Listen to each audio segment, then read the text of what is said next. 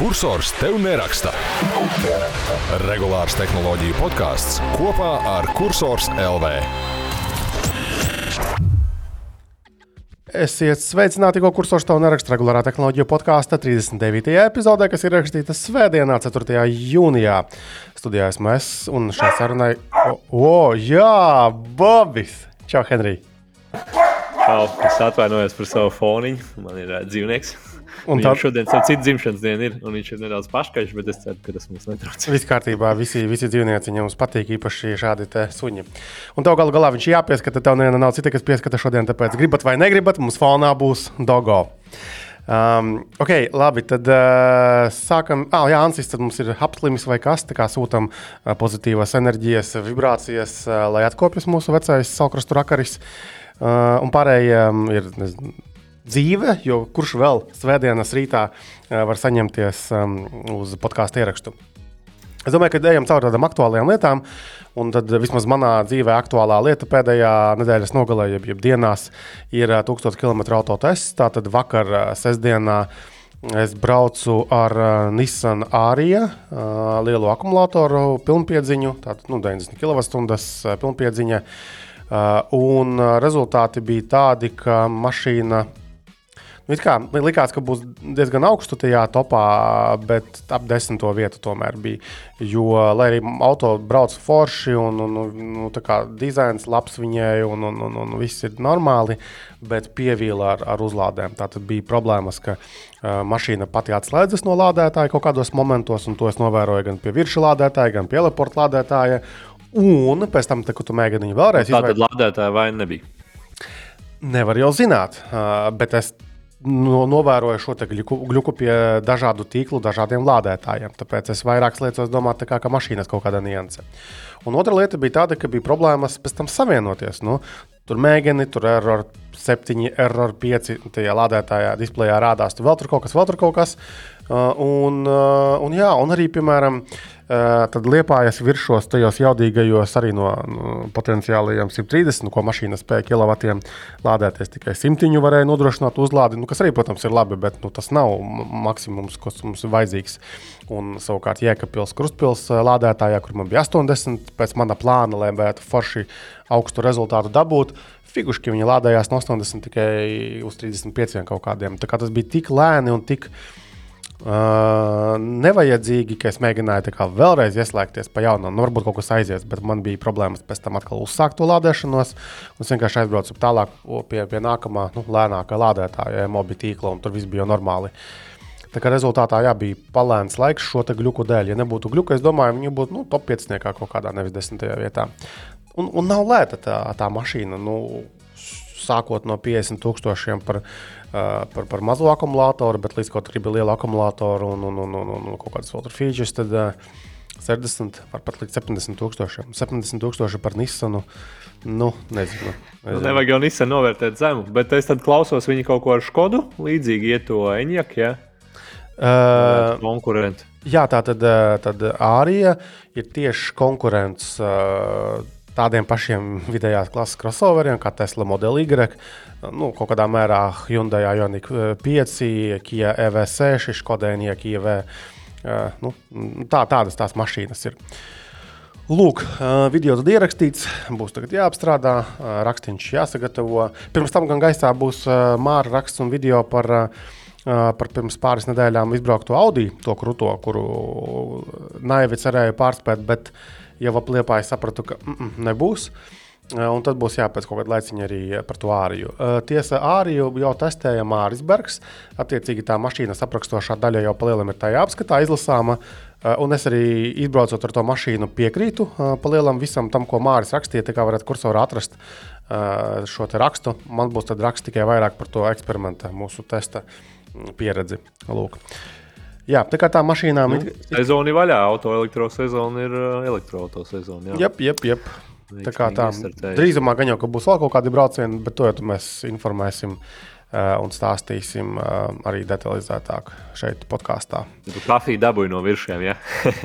Kafijas dabūju, jā, tā kā paldies, uh, paldies virsiem. Tas bija Jurkalnē. Ļoti, ļoti bija iederīgi. Okay.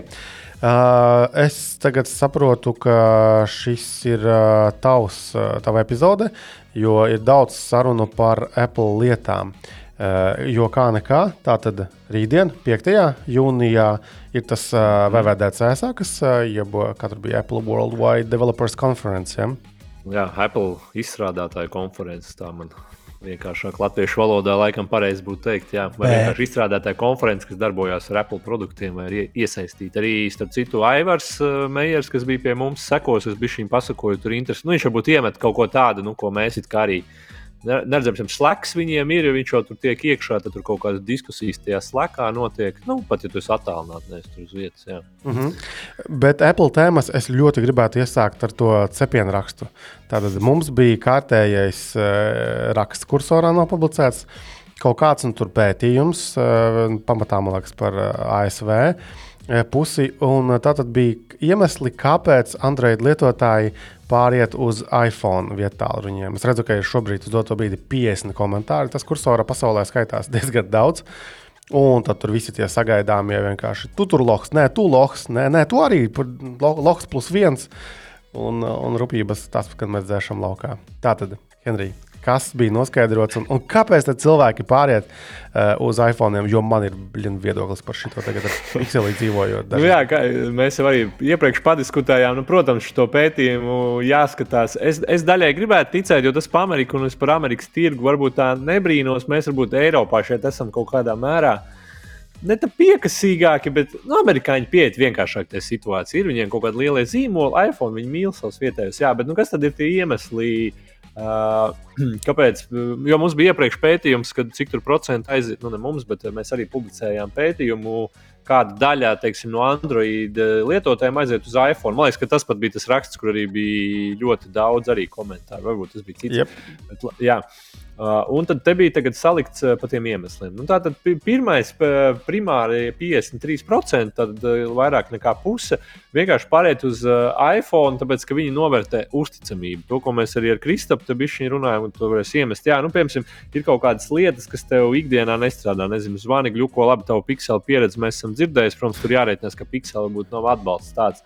Bet tāpat bieži vien dzirdot, nezinu, ko Ants arī saka, vai, vai Juļs arī, kas nu, aizstāv Android, kad ir kaut kādas tās lietas ikdienā, nezinu, noraujās zvans, noraujās kaut kas tāds. Kaut gan es pirmo reizi dzirdēju, kad iPhone zvana sev. Man bija kāds bija ierakstījis no lasītājiem, ka tas jau notiek no iPhone 7. Es godīgi sakot, pirmo reizi kaut ko tādu dzirdēju. Ko nozīmē zvanīt sev? Kā tas? Kas? Kā, Viņš, iPhone pats sev zvanot. Un nevaru saprast, kāpēc. Es godīgi sakot, pirmo reizi ko tādu dzirdēju, bet nu, man nav tāda pieredze. Bet viņš teica, ka viņam sievai regulāri bija tieši šitie mūsu komentārā. Jā. Nu, tad liela vairāk nekā puse ir šī uzticamība un ikdienas lietošanā, kas ir vēl bija interesanti. Tātad par servisu. Nu, par servisu man grūti pateikt. Mēs jau droši vien Eiropā, Latvijā gribam nošmaukt lētāk. Es domāju, Amerikas tirgu noteikti bija uh, domāšana citādāk. Jā, bet nu, tad viņi novērtē to, ka pieejami visādi remonti. Kas bija nākamais? Es redzēju arī komentāros ar 26%. Ir tā kā angļuiski new phone features, uh, tur bija aprakstīts, ka kameras. Es varbūt arī biju samulsis, kāpēc viņi tā nodēvējuši, bet tur bija jā, ka nu, ir kameras labākas iPhone, salīdzinot ar Android, ir dažādi pieejami accessori, kā arī bija interfejs izcelts, ka esot vieglāk lietojams. Te droši vien jāliek liels bet. Es tiešām zinu, un es arī pats kaut kādā brīdī pārgāju, jo bija sen no Android uz iPhone. Man arī sākumā likās dīvaini, bet tāpēc es vienmēr saku, tie, kas uzreiz norēja pēc pirmajām piecām sekundēm, vienkārši bija viņa vajag palietot un tad izteikt to viedokli. Jo loģiski, kad arī pārējot no Windows uz Mac datoru, ir tas pats, ka liekas, ārprāts tas Macs ir briesmīgs, kas tur vispār notiek. Bet uh, mēs redzam, ka Windows tomēr bija iet to Mac ceļu. Tad, tad skaidrs, ka vienkārši vajag palietot un saprast, uh, atrast sev arī to pareizo veidu. Uh, Jā, tad bija izmaksas, eh, kas bija interesanti. 15% pāriet arī izmaksu dēļ, bet te bija tā doma, viņiem it kā iPhone nemaz neliekās tik dārgs. Arī, jo nu, pret to summu, ko viņš piedāvā, protams, ka tiem, kas nāk no varbūt Android flagmaņiem, nu, tur cenas ir vienādas. Jo mēs arī šodien rakstījām par uh, Samsung S23 Ultra. Uh, izmaksām komponentus. Viņiem liekas, ka nu, par to summu tad jau nav tik svarīgi. Viņš atrod tos citus iemeslus. Bet tur bija arī tāds komentārs, uh, ka it kā nu, tiem, kas ir pārgājuši, nu, nemaz jau tik dārgs tas iPhone neliekas. Ka, nu, arī iPhone vispār nav budžeta, ka, nu, būsim godīgi, nav budžeta klases. Tas SE lētākais, bet nu, es nedomāju, ka to kāds vajag arī pērk. Jā. Tā kā tur bija tāds interesants punkts. Nu, un, un ceturtā daļa ir šī saziņa, Jo Amerikā ļoti izteikts šis zilais burbulīts un zaļais burbulīts, ka mēs rakstām krāsas, ka mēs rakstām īsiņas. Latvijā, kurš īsiņas raksta, visticamāk, neviens. Bet tie, kas ir Amerikā, viņi izmanto krietni vairāk iMessage. Tā ir arī mana pieredze. Es tiešām biju. Biju gadu Amerikā. Jā, tiešām ir, ka viņi izmanto iMessage, mēs izmantojam WhatsApp. Līdz ar to mums tur WhatsAppā viss ir vienāds, vienalga no kādas operētājas sistēmas. Bet Amerikā tur ir šīs krāsas, jā, tad uzreiz redzi, kam tu sūti. Nu, protams, tam, tam ir maza daļa. Citi domāja, ka tas pat ir svarīgāk, bet īstenībā nu, tas nav galvenais. Bet, jo bija panesies, kāpēc jaunieši lieto ļoti daudz iPhone, ka tas pat ir sociālā statusa jautājums. Nu, tādi, teiksim, tā savā ziņā triviāli, eh, bet arī saprotami. Es arī no iPhone lietotāju viedokļa, protams, eh, droši vien mēs tos aizstāvēt vairāk, ja iPhone, protams. Tā, Lai gan. Tagad tu Tas, kas ir svarīgi arī pateikt, eh, tu arī esi podkāstā runājis, ka nu, nav tā, ka arī nav gluži ar iPhone. Nē, nē, un pie tam šitam jaunajam tev ir visādi neiedzība, cik paliekam lien laukā. Tā kā, jā, jā, nē, es saku, nē, es ne, neesmu tajā fanboy līmenī, bet es palikšu pie tās uzticamības. Jā, to gan es pārstāvēšu un nākotnē, un visa tā pieredze, nu, paklausoties kādu jums te gluki brīžiem, tad es noteikti tur es aizstāvētu. Jā, bet, protams, nezinu, vakar ieraudzīju arī Dynamic Islands, atkal tur nav nostrādāts līdz galam vizuāli. Tā kā, jā, protams, viss nav ideāli. Jo tas, ko arī tu minēji, protams, ka mana daļa problēmu ar Android ir uh, pikseļa problēmas, kas atkal šeit tātad oficiāli netirgos neatbalstīts iPhone, tāpēc ir tās sakaru problēmas, nu, tas ir diezgan kaitinoši.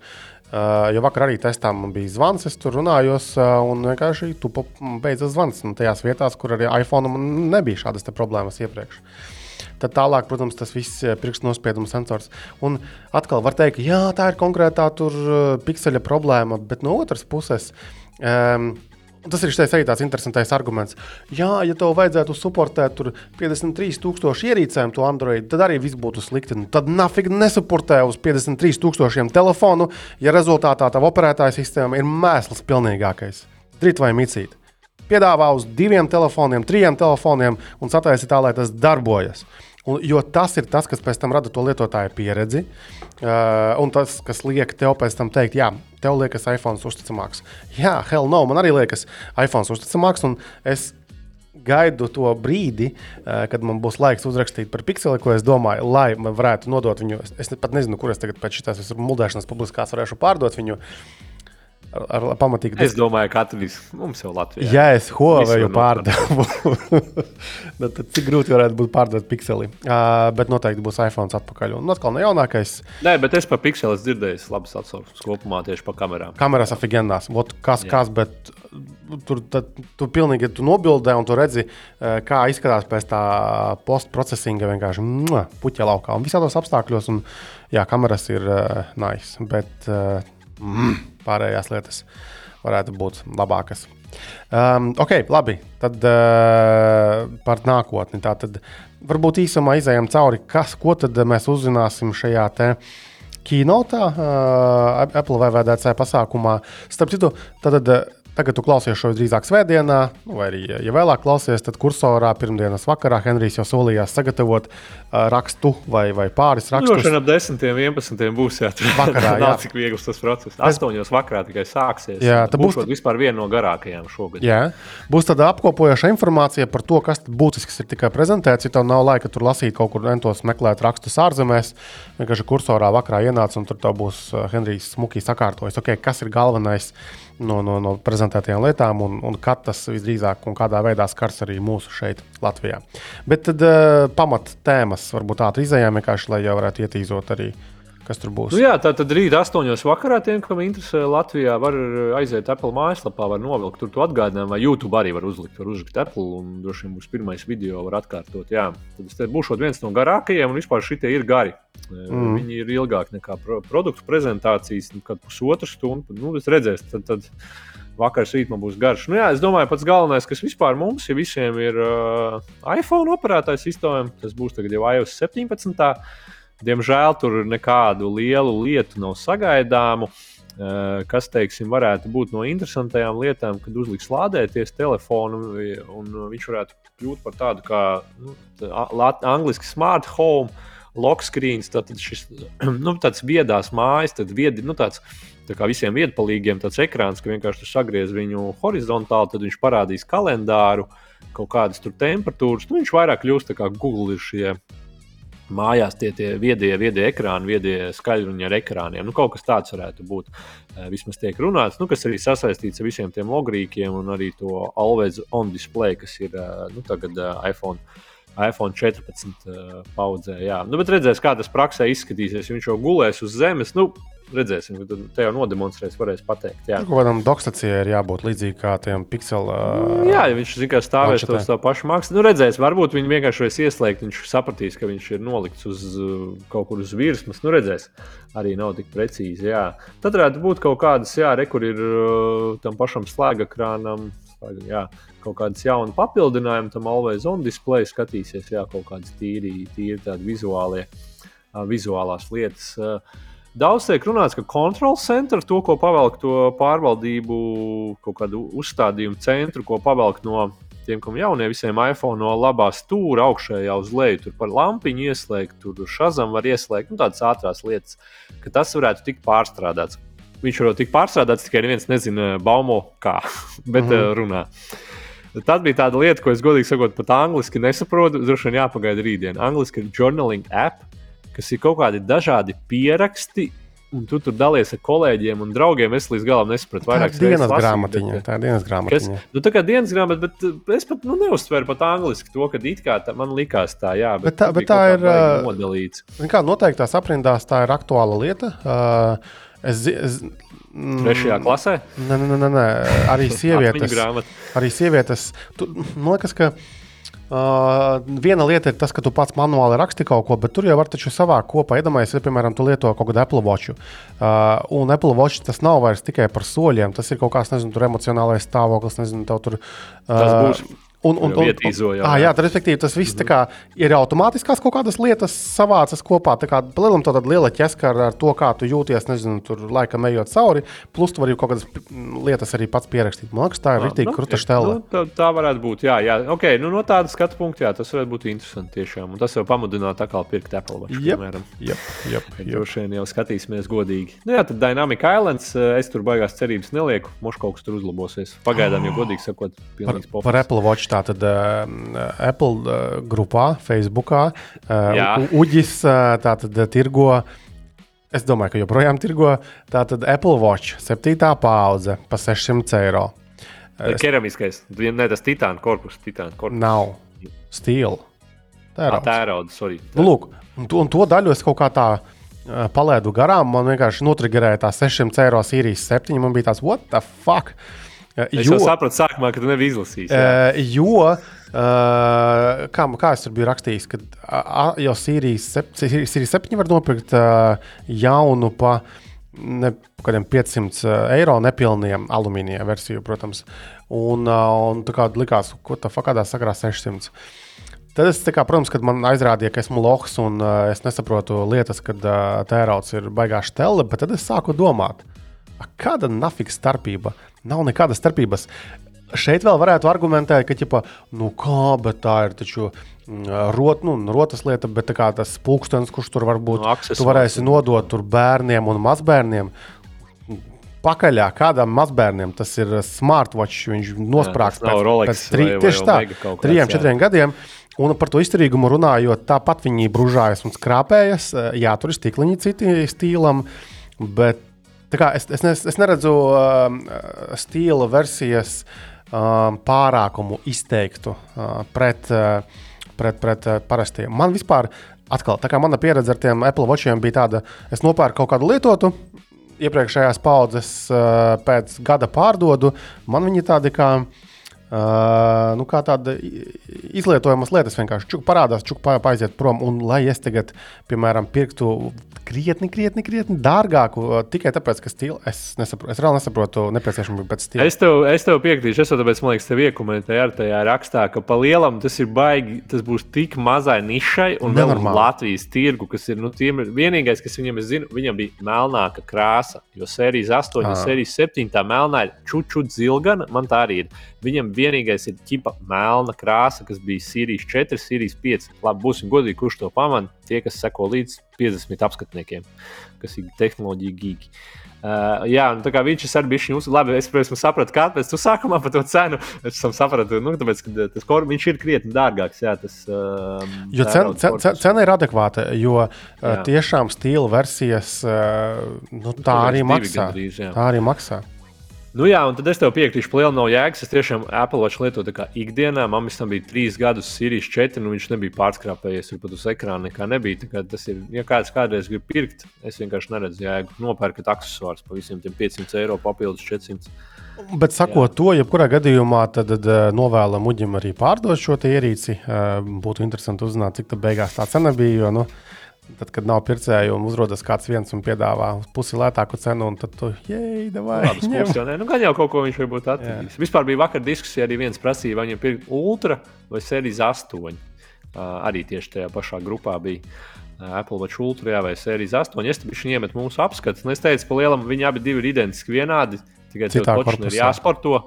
Tā kā rīktīgi, kā saka, hardcore angļuiski jāsporto, tad tu vari pirkt pa tūkstošu pa lielam.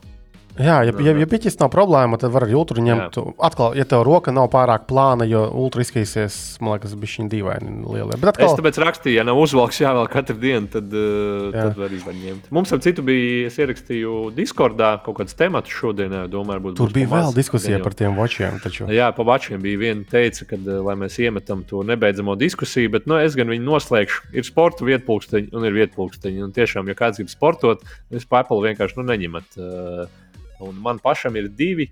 Man arī ir sporta pulkstenis. Man gan ir vecs gārmīns. Es atzīšos, tā, ja es ietu sportot, jā, es droši vien nopirktu gārminu kaut kādu jaunāku, kuris var mūziku ielikt. Vienkārši tam gārminam bija vairāk uzticos sporta ziņā. Mm. Apple Watch ir labāks optiskais sensors šobrīd pulsa. Un, un viņš vienkārši nu, tādā ziņā man ir pierasta lieta, jā, bet lielam tur nav ko gaidīt no Apple Watch. Nu, nebūs. Tie, vēl, tie, vēl tas, ka, ko, kur neviens nav pārspējis, uh, Apple Watch ir display. Uh, nu, tā kā Tagad jau gan sāk pievilkties, bet vēl pirms pāris gadiem, nu, tu paskaties, piemēram, kā izskatās Watchā notiekošais, un, un viss pārējais ir vienkārši galvas tiesu briesmīgāks, sliktāks. Un tad, tu, piemēram, nopērc kaut kādu, es nezinu, gārminu par 800 eiro. Un, tad ir tāds, fuck, kas, kā, kā var tirgot mūsdienās šādu mēslu displeja ziņā? Jo tas ir vienkārši ārkārtīgi labi tie displeji. Ja? Tagad, protams, gan sāk pievilkties. Tur, un arī un, un relīzēs arī Gārmins uzsver, ka mums tur tādi, šī tādi trolēti displeji un vēl tur viss kaut kas. Nu, jā, Jā. Nu, skaidrs jau viens vai otrs piedzīs, vai Apple varbūt attīstīs to sporta nozari. Bet, nu, jā. es domāju, ka attīstīs. Ja, ja viņi izlaida ultru, viņi grib, negrib būs jāattīst tālāk. Es jau uzskatu, viņiem vienkārši jānopērk Gārmins vai Sunto un uh, jau uz sporta pulkstenis. Visi viņi jānopērk vienkārši. Un, jā, nu, un... Labi, pabeidzam pie iOS. Viņa vēl būs, uh, kas varētu būt vēl no jaunumiem, tad aktīvie logrīki, ka tur vairāk informācijas. Logrīki. Kas? Logrīki. Logrīki, logrīki. Man, logrīki? Logs. Jā, nu, jā, bet man liekas, ka logrīki. Nu, labi varam. Eh, es uzdošu jautājumu. Latvijas radio var uzdot reizi mēnesī par izmaiņu jautājumus. Tas ir tāpat kā, tas tāpat kā Ansis eh, saka Microsoft. jā, bet tur vispār eh, labs tev jautājums. Jā. Labi, paliekam šodien pie logrīkiem. Tie, tie būs aktīvi. Nu jā, tad būs kaut kāda meklēšana. Un, uh, Varētu būt arī, ka uh, Health app arī kaut kādi jaunumi būs. Tas saistīts ar to, ka gan iPadā būs Health app atsevišķi beidzot iespējams, un tas ir īstenībā ar to journaling app to dienas grāmatu, ko tu teici. Pārējais īstenībā kaut kas varētu būt wallet aplikācijā, varētu mainīties, bet nu, jā, diezgan pārsvarā tikai vizuālās lietas. Neko varam negaidīt. Wow! Laikam arī atbalsts pa lielam paliks visiem tiem pašiem telefoniem. Mm -hmm. Tā kā, tā kā tā kaut kā īstenībā iPhone tur var uh, nelikt nekādu uzsvaru. Kas vēl? Uh, Nu, cit, tu, op, tu gribi vēl par iPhone vai operētāju sistēmu? Ejam tālāk uz citiem produktiem. Tālāk, jā. Jā. Tad es nu, varbūt varētu izcelt, kamēr svaiga galva par parunāt, kas tiešām ir, ja, nu, izskatās, ka būs.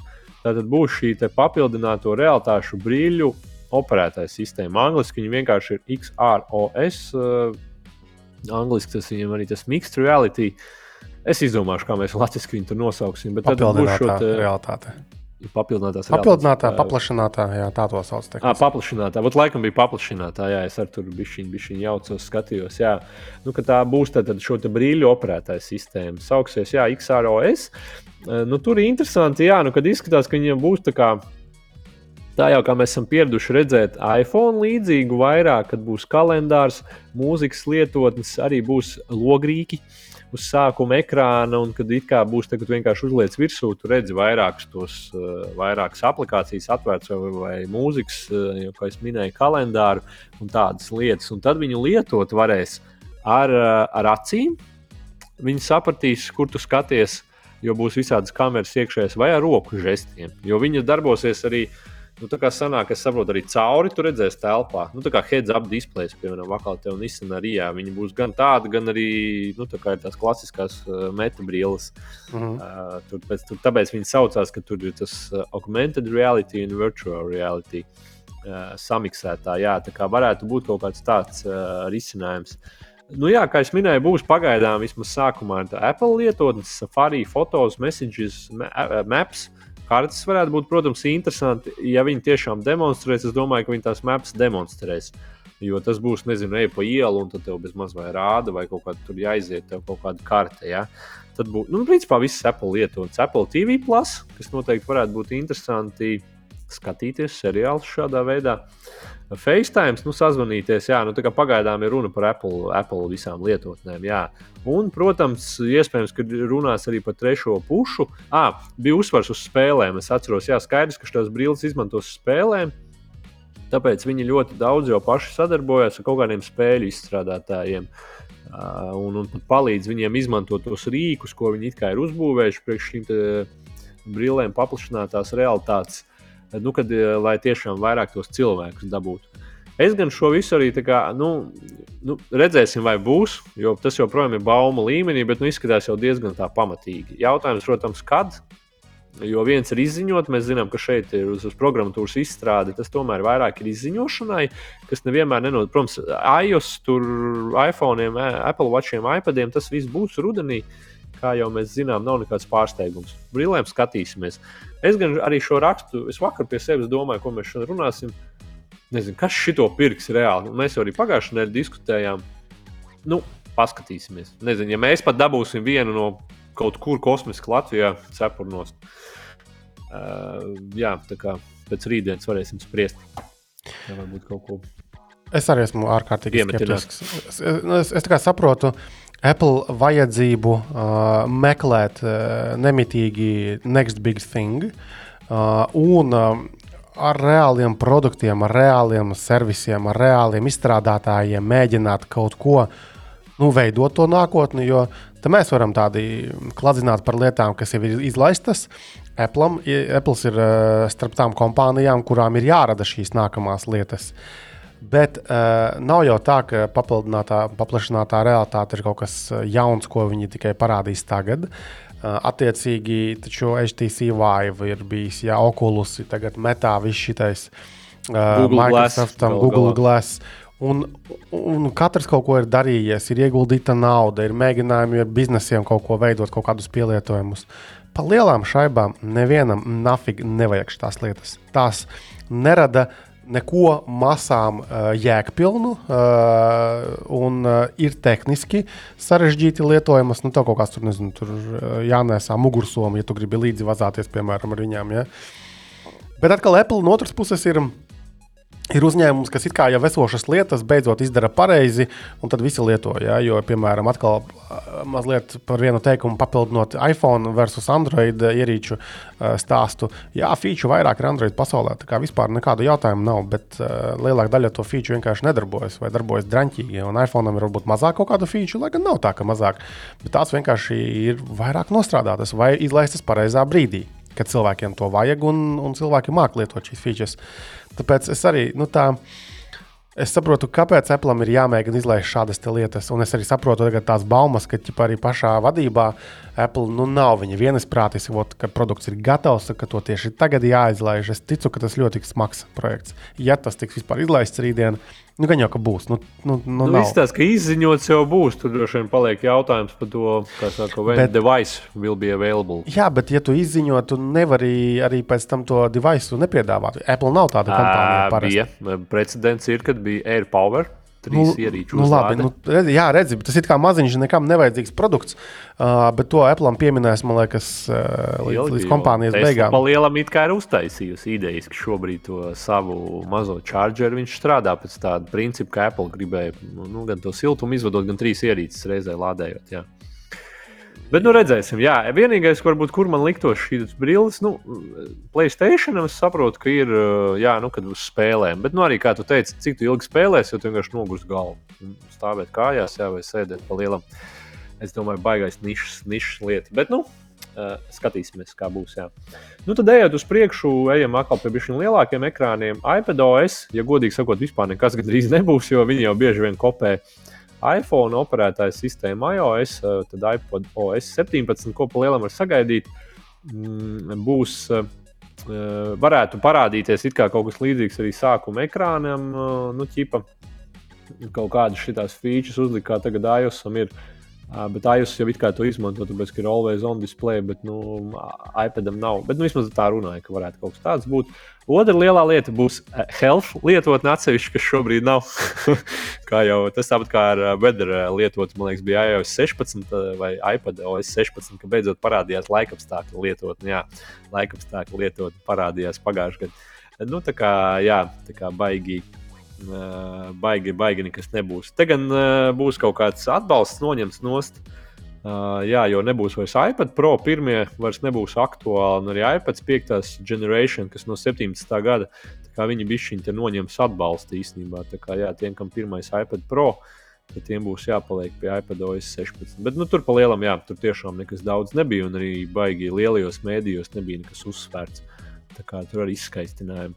Tas pats ir par. Uh, par MacOS, kas būs tagad 14. Tur parasti tas baumas ir par to, kā sauksies. Atkal droši vien būs kaut kāds no Amerikas Nacionālajiem parkiem tieši Kalifornijā, bet to tad rītdien uzzināsim, uzrakstīšu.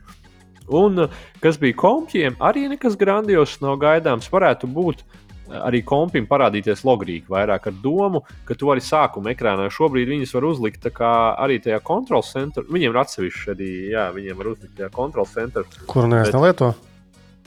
Es biju šim paskatos, šādi bet baigi nelietoju. Jā, ja kaut vienreiz nedēļā uzspiežu, paskatos, cik man ir uh, screen time. Es, es tas priekš sevis es paskatos. Jā, nu, kad varētu būt, ka sākuma ekrānā tagad būs, nu, kur tev maps stāv, kad nu, tad viņam būs kaut kāda jēga. Jā, nu, tas pat būtu lielākais. Pārējie bija kaut kādi arī baigi, kas nebija. Nu, droši vien kaut kādas drošības lietas, tad rītdien vairāk jāpasako. Es tā pārskrēju pāri vakar. Uh, šodien neko tā baigi man nekas neiekrīt. Nu, tāds wow. Klausies, tu, uh, kad lieto Macintošu, tu uz desktopa ikonas tur ir kādas?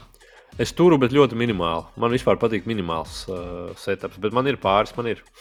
Jā, jo es, es, es, es sāku domāt, gan, gan es, gan es domāju, ka vēl daudz, un zinu, ka, ka daudzi cilvēki uh, kaut kā uz Macintoša netur uh, uz desktopa ikonas. Nu, tikai apakšā droši vien kaut kādas māpes piepino vai programmas. Uh, nu, tajā dokā. Jā. Jā. Savukārt Windows pasaulē normāla lieta un uh, senos laikos ir piedrs ekrāns. Ir piedrs ekrāns, un tad tu taisi mapīti, tur nezinu, tur tempu, dumpu un vienkārši samet, un tad vēlreiz viss aizdaršās. Un tagad, pēc maka lietošanas gadiem, esmu pieķēries pie domas, ka tagad man atkal ir Windows ierīces, Un man ir tātad pilnībā tukšs desktops, man ir uzlikts melns fons, un man nav vispār neviena, pat man pat misija ir aizvākta. Tā kā, a, kāpēc? Kas ir tāds? Vienkārši tie... es, zinu, es domāju, ka tas ir saistīts ar to spotlight. Ah, ka ir meklētājs tev uzreiz. Jā, ka viņam ir meklētājs, varētu būt spēcīgs. Nu, nu, es zinu, Apple ir izdevies arī nodot to savu filozofiju kad nevajag lietotājiem būt daudz opcijām, un vispār, kad, nu, kad Apple ir zina labāk, un viņi tad arī piedāvā tādu. Bet, bet man... tas tiešām tā ir, jā, ka kaut kā Apple lietotāji tas mindsets ir, ka nevajag piedirst ekrānu, jā, kas tiešām ir. Bet, ja mēs, zinās, ja, ja, mēs, ka, ja mēs kaku tēmu turpinām tālāk, tad uh, vai nav tā, ka mm, nav tā, ka Mac lietotāji neaizdirž lietas.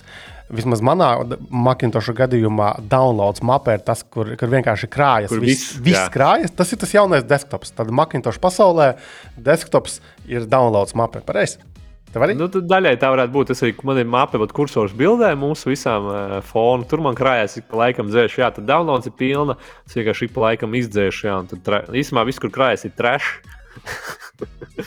Jā. Viskas. Bet, jā, es nezinu, tiešām viņiem ir izdevies to filozofiju nodot. Jā, es tev piekrītu. Man arī nekad negribēju. Es ne, nevaru iedomāties, kad uh, maku pielikt pilnu, bet nu, kaut kā tas ir saistīts ar visu to lietošanu. Tiešām veiksmīgi salikts kopā. Jā. Nu, tas doks arī kaut kādā mērā ir ērtāks, protams, eh, daļai lietu. Ah, nu vēl jau kas ir. Eh, Es domāju, arī ar tiem skrīniem saistīts, ka tu vari starp tiem skrīniem pārslēgties uh, fundamentāli, tas varbūt arī varētu būt saistīts, ka tu atrod kaut kādas trīs programmas, tu zini, ka viņas tev vaļā, tu vienkārši slēdzies starp ekrāniem, kas varbūt Windowsam tagad nāk. Bet nu, es arī ar to Windows 11 man nav baigi aizgājis. Es lietoju tāpat, uh, viss lejā, augšā, nu tādā veidā. Un tas, ko, un tas, ko Macintosh pasaulē vēl ir ar tiem logiem darbības, piemēram, viņiem tas full screen ir tāds, kas man nepatīk. Tad viņiem problēmas, ka nevari es- smuki pielipināt pa pusekrānu, piemēram, lietas. Ah, tam starp citu ir var novilkt vienu programmu. Protams, protams, jā. Spektakls laikam bija vai kaut kā bija. tu Vairāk, nevari- es kaut kādu citu izmantoju, bet uh, ir nianses, kuras nosaka to, kā tu pēc tam, nu, ka tagad dīvainās, uh, dīvainās lietās pēc tam rezultējas tas, ka, piemēram, logi citādāk formējas. Ja, tev negribas to desktopu visu laiku tur nu, mazināt. Ma, nu, man no lietošanas, kas izsita, ot, kad uh, tagad es sāku klaviatūru un peli lietot, uh, tad sanāk, ka nu, vajadzētu droši vien Apple to multi, to, to, to touchpad atsevišķo. Jo man rītīgi patika makā. Tu uzliec uz pilnu ekrānu, viņš vajadzēja pa visu logu, un es tikai slēdzos ar logiem, ar trīs pirkstiem. Mm. Man tas liekas, vispār labākā feature.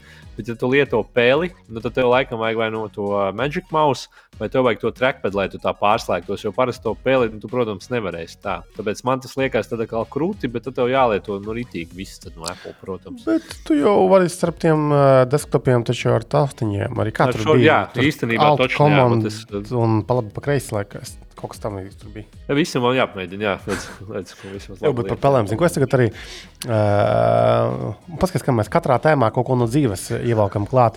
Um, tā, ka, tā kā man tagad ir tāda viens, divi, trīs ierīces, ar kurām man visu laiku jālēkā cauri, uh, un es tomēr esmu pieradis uh, pie kompiem ar peli dzīvot, es baigi novērtēju uh, Logitech, MX Master uh, peles. Um, iespēju, nu, tā, kā- tur ir tāds uh, poga uh, apakšā tajā pelītē, vien- un klik piespieda, un viņš parāda, kurā, kuras ierīces režīmā viņš ieslēdzas. Un tad tev nav vēlreiz viņa jāatvieno, vēlreiz Bluetoothā jāatrod. Vienkārši klik piemiedzi, tu esi pie Surface pieslēdzies. Ja? Ieslēdz desktop kompi savējo, ja? piespiedies zem peles apakšā, bums, pele uzreiz ir tajā lietā.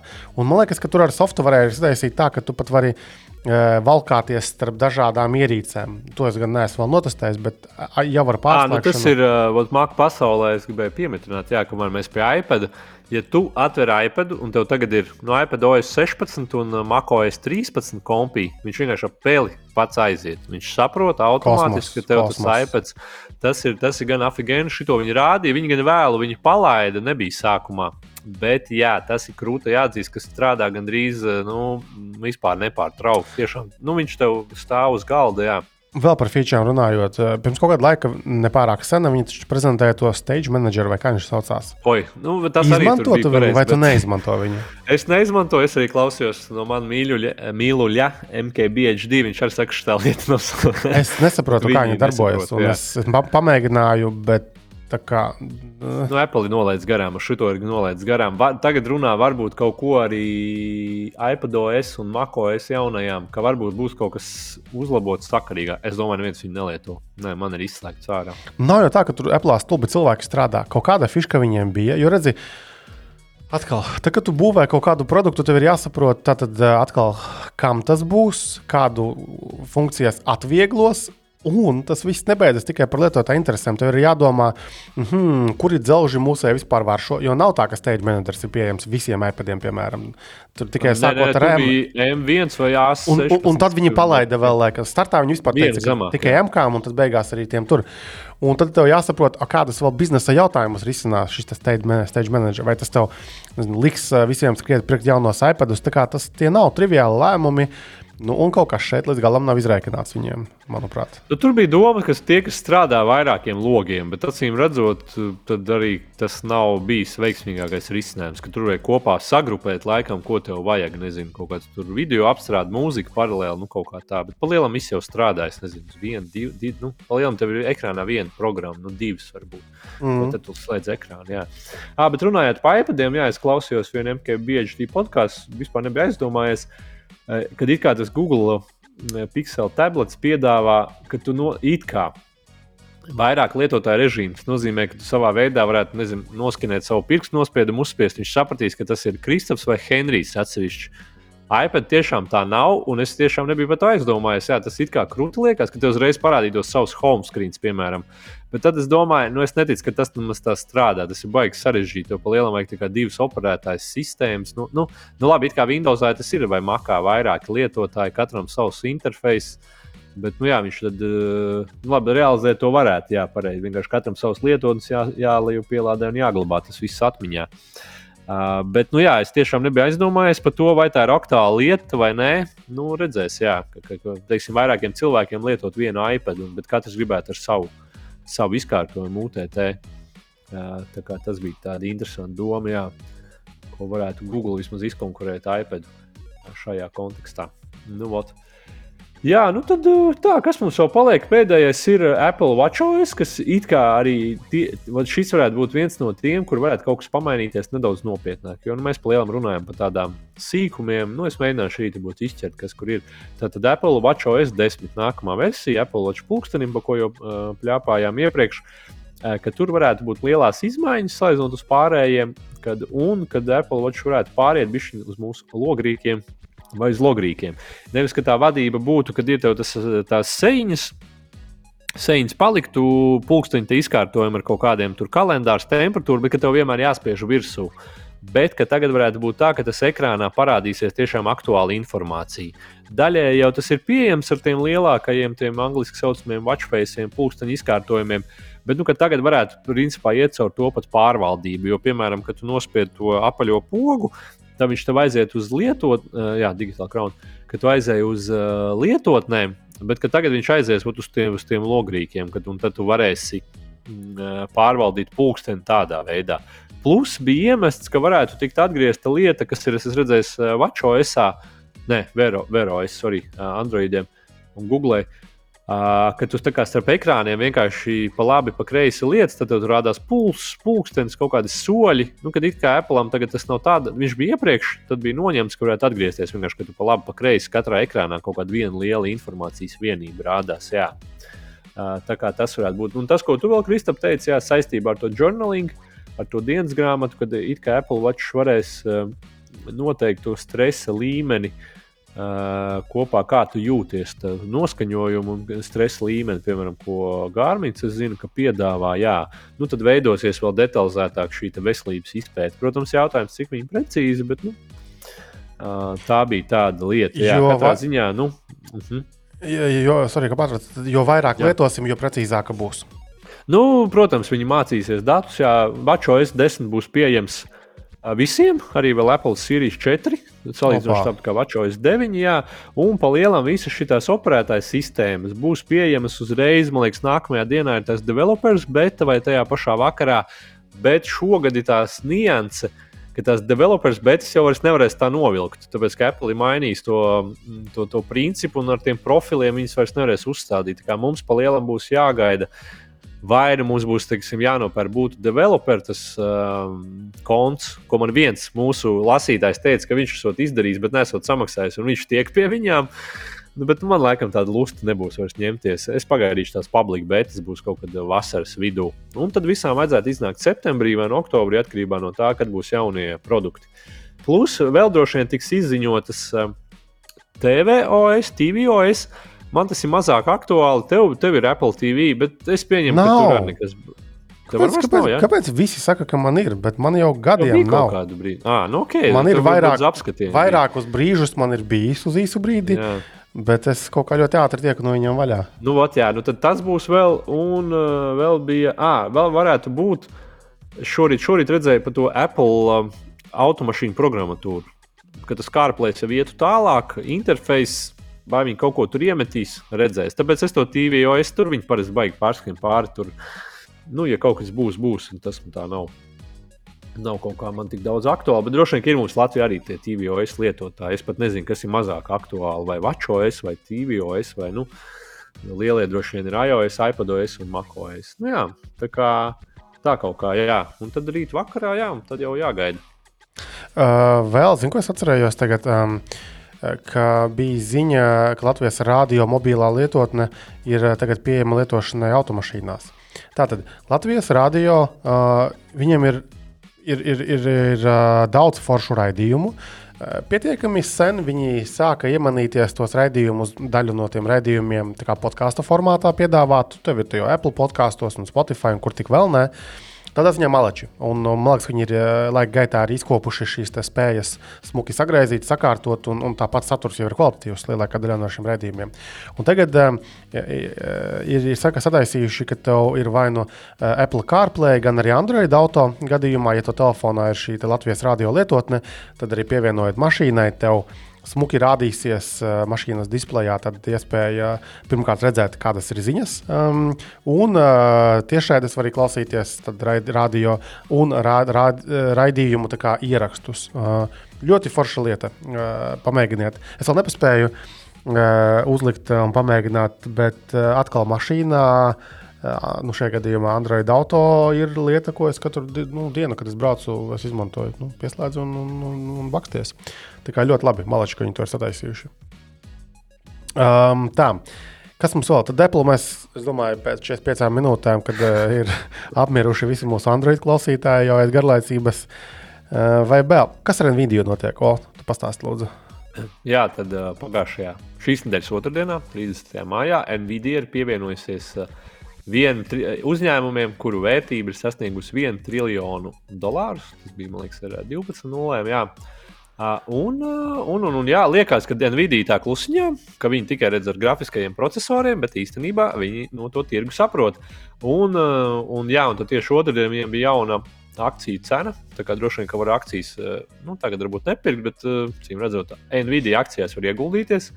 Jo ir sagaidāms, ka tā kā viņi arī sāk darboties, kas viņiem vispār nes to vērtību. Tad, protams, ir gaming, video spēles, tur bez jautājumiem, bet viņi ļoti daudz izmanto uh, mākslīgajam intelektam, lai trenētu viņus, un arī datu centros. Nu, tad visos serveros, kur glabājās info. Un, jā, un kad īstenībā viņi arī diezgan attīsta šīs jomas, līdz ar to nu, kopējā vērtība ceļās. Jā, tā kā nevajag iedomāties Nvidia tikai, tikai redz, kāds kaut ko rambā mājās uz, uz spēlēm. Tā kā jā, diezgan plašs tas produktu portfels ir, un, un jā, viņi atraduši to savus jaunās features, jauno nišu. Uh, un diezgan, diezgan spēcīgi sevi pieteikuši jāsaka citiem tehnoloģiju gigantiem. Par to akciju pirkšanu es gan diezgan skeptisks būtu. Jo šobrīd viņiem, Labi, tagad viņiem ir, protams, visaugstākais. Šobrīd bet, nu... viņiem price to earnings ratio ir 208. Tas ir ārkārtīgi dārgi. Mm -hmm. un, un arī, ja teiksim, grafiku mēs paskatāmies, ir, ir vienkārši pīķis, tāds, kas nav bijis. Un pirms tam bija normāla bedre. Es, protams, ka var arī uzskatīt, un gan jau ka var arī nopamatot, ka oh, tagad viss tikai AI ies un darbosies, bet man kā tādam pūpēdim, pieredzējušam akcionāram, e, liekas, ka pīķī pirkt ir diezgan stulbi. Bet jo... jā, nē, nu labi, nu, protams, es, es pīķī nopirku Netflixu, es pīķī nopirku Adobe, e, es pīķī nopirku. Es Teslu. kaut ko, un, un joprojām esmu pamatīgos mīnusos. Gaidu, kad beidzot no bedres atkopsies. Uh, Tāpēc es, es skatījos uz Nvidia. Uh, man nepatīk tas, ka viņiem uh, ir gandrīz nekādas dividendes, jo es tagad beigu uz to virzienu izēju. Tā kā jā, Nvidia, nē, tas man nebūs. Pat, uh, pat ja liekas, um, par šito es uh, domāju, tāpēc, ka Nu, tā kā cena ir zema, es nesaku, laba cena, cena ir zema. Bet ļoti man, zema. Bet man ne... pastāv pēdējos. Un tad, nu, no vienas puses, skaidrs, ka neviens ne, ne, neļaus Amerikā aiziet pa burbuli Intelam, ņemot vērā ģeopolitisko situāciju un nepieciešamību pēc, pēc, pēc čipiem un Baidena administrācijas tātad šo tā Chips Act. Bet Intels ir šobrīd briesmīgi pārvaldīta kompānija. Es, jā, es, es, es gribētu tagad palēto iepirkties, bet tur ir jābūt izmaiņām viņiem vadībā. Uh, bet jā, tagad viņi ir. Es ļoti... domāju, ka viņiem tās akcijas neaugs. Viņas varbūt aizaugs tur Es domāju, ka augsts, nu, agrāk vai vēlāk, bet tas vienīgais ir jāgaida. Strauji, gadi, jā. gadi, vai, vai gadi. ilgtermiņā, jā. Nu, ot. Nu, tā kaut kā, jā, tā kā Nvidia. Bet labi, ja tu redzēsim, kā ies. Katrā ziņā pagaidām viņam spēcīgas pozīcijas un vairāk fakts, ka viņi tiešām arī ir nu, liels spēlētājs šobrīd, jebkurā gadījumā tehnoloģija nozarē. Tā kā nevajag novērtēt par zemu.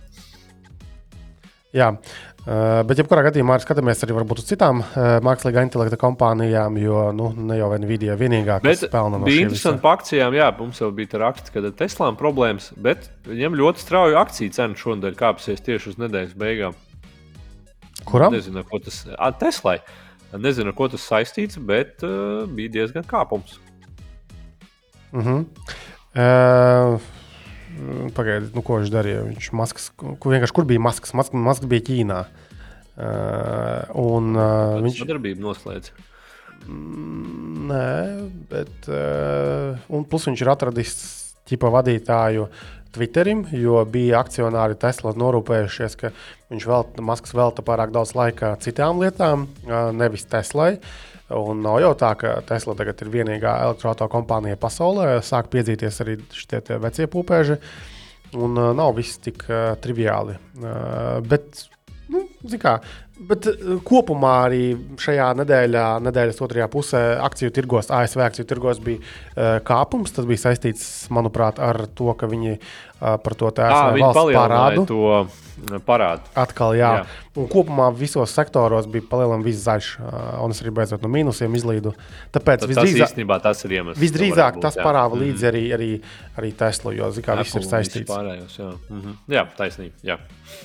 Atrisinājām šo jautājumu.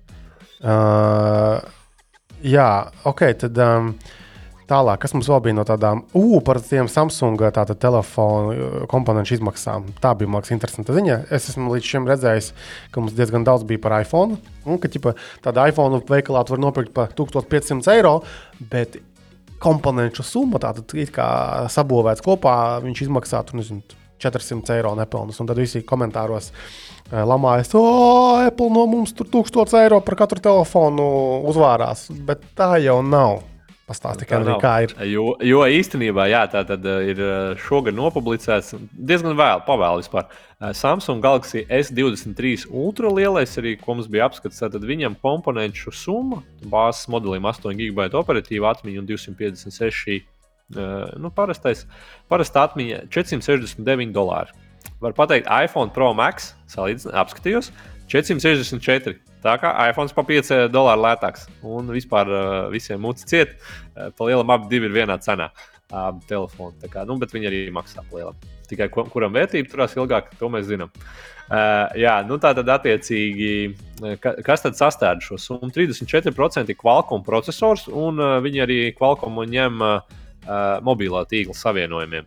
Uh, tas ir, uh, un tāpēc viņi var saprast, kāpēc Samsungs ļoti ilgi turējās pie Exynos. Uh, pie saviem procesoriem vienkārši kāda marža aiziet no komponentiem. Pat, pat ja tas nebūtu lētāk vai dārgāk, bet Samsungs varētu naudu vairāk aprūpēt ar Exynos. Bet nu nav, tā tad vairs. Ir eh, skaidrs, ka nu vairs nav, jo tomēr neperformēja, neizdevās attīstīt. Jā. Pēc tam ir pats Samsungs ar 33% trešo daļu, tur pārsvarā bija display. Un uh, Samsungs taisa divas, divas kameras sensors no pieciem, un pārējie ir Sony. Un pēc tam jau nu, tur aiziet visādi sīkie, principā pārstāv viss pārējais. Tad sanāk arī 33%. Nu jā, tad sanāk, ka Qualcomm un Samsungs kopā 67% un viss pārējais ir uh, 33%. Ah, un, tad, un tad vispār kas aizņem kā, nu, no komponentiem. Tad bija vēlreiz processors un, un mobilā tīkla. Tie, kas nodrošina savienojums, ir 35% nu, no komponentiem. Tad displejs ir 18, kamera 14, atmiņa 11. Es, es, protams, tā nesakoju cenām, bet man liekas, ka atmiņa mūsdienās sastāv 11% no telefona. Nu, man tas likās padaudz, un kas man vēl likās, arī diezgan daudz casing, kas ir apvalks, vispār uzbūvēta 8%. Eh, tas man, protams, es nesakoju cenām, es nemelošu, jā, varbūt tas tā arī ir. Tie man likās diezgan daudz. Jā. Eh, jo tas tomēr tāds salīdzinoši maz komponents visur tiek izmantot. Jā, nu, tā kaut kā. Mm -hmm. Jā, nu, un, tā, un, jā, un salīdzinot, tad, piemēram, Samsungam ir divi kamerās, ir divi viņa sensori, trīs ir Sony. Un, protams, bet šīs cenas ir neskaitot izstrādes, visas attīstību, mārketinga yep. Visu atbalstu. Un, à, un bija interesanti, ka pagājušajā gadā nebija, bet, ja salīdzinājumam pie lielajiem Samsungiem, tad uh, S21 Ultra maksāja 533 dolārus. Vispār ļoti interesanti. Un Note 20 Ultra 550. Un, un kas ir atkal interesanti, ka nu, ir taču inflācija baigā, bet redz, ka principā var salīdzināt, kad pa 80, sanāk, kādā 2-3 gadu laikā ir pa 80 eh, dolāriem mazāks uh, komponentu izmaksas. Nu, protams, tur jau būtu jāsalīdzina, ko tur izmanto. Varbūt tagad Samsung vairāk vai kaut kādas partnerības noslēgts. Jā, un atkārtošos iPhone ir principā vienā cenā. Lielais 14 uh, eh, Pro Max. Tā kā flagmaņi tā arī labs tāds, varbūt uh, bišķiņi, lai saliktu, nu, kā saka, informāciju. Uh, kad pa lielam flagmaņam maksā vienādi. Un skaidrs, ka arī tie komponenti viņiem maksās vienādus. Tā kā nav tā, ka Apple tikai šņauc visu nāsī, tad pa lielam arī Samsung šņauc visu nāsīs. Mm -hmm. Tu zini, ko es tikko izdarīju, kādu no. ģeķīgu lietu? Es uz sava Android telefona instalēju Apple Music Classical un šobrīd instalēju Apple Music. Ir. Ah, starp citu, es iemetu mums uh, Discordā. Samsung ir kaut kāda akcija, kad var novilkt kaut ko tur, nezinu, ko, un uh, lietot savu iPhone kā Android. es vēl nezinu, vēl nepamēģināju, bet tā viņiem kaut kāda reklāma acīm redzot, lai, lai pārvilam, nu, lai, protams, uzrunātu iPhone. Lai tas procents, kas iet no iPhone uz Android, vispār ļoti interesanti, kāds procents no iPhone iet uz Android. vai šāds, vai šāds uh, ir. Ir, ir. Uh, klausies, man te jautājums. Atcerieties, mēs mhm. runājām pirms kaut kādām nezinu, piecām, sešām epizodēm. Ka Apple arī Eiropā sāka piedāvāt to paaugstināto drošību, ko varēja iestatīt Apple tajā kontā. Tu uzinstalēji visu tur, iesatīji? Zini, kā es, es neatceros, vai es pabeidzu līdz galam, jo man tomēr bija šī tas, ka viss būs enkriptēts telefonā, un ko nevarēs dabūt, laikam, kaut kādā mērā pat uztrauc.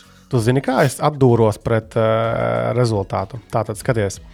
Uh, man ir, uh, piemēram, notos kaut kādas piezīmes bijušas, jā, nu, vai fotos, jā, lietotnē bildes kaut kādas. Uh, Un, um, tad, kad, piemēram, man nav, nav, nebija pie rokas kaut kāds telefons, es vienkārši ielogojos iCloud.com un no weba savācu vai nu bildi vai to piezīmi.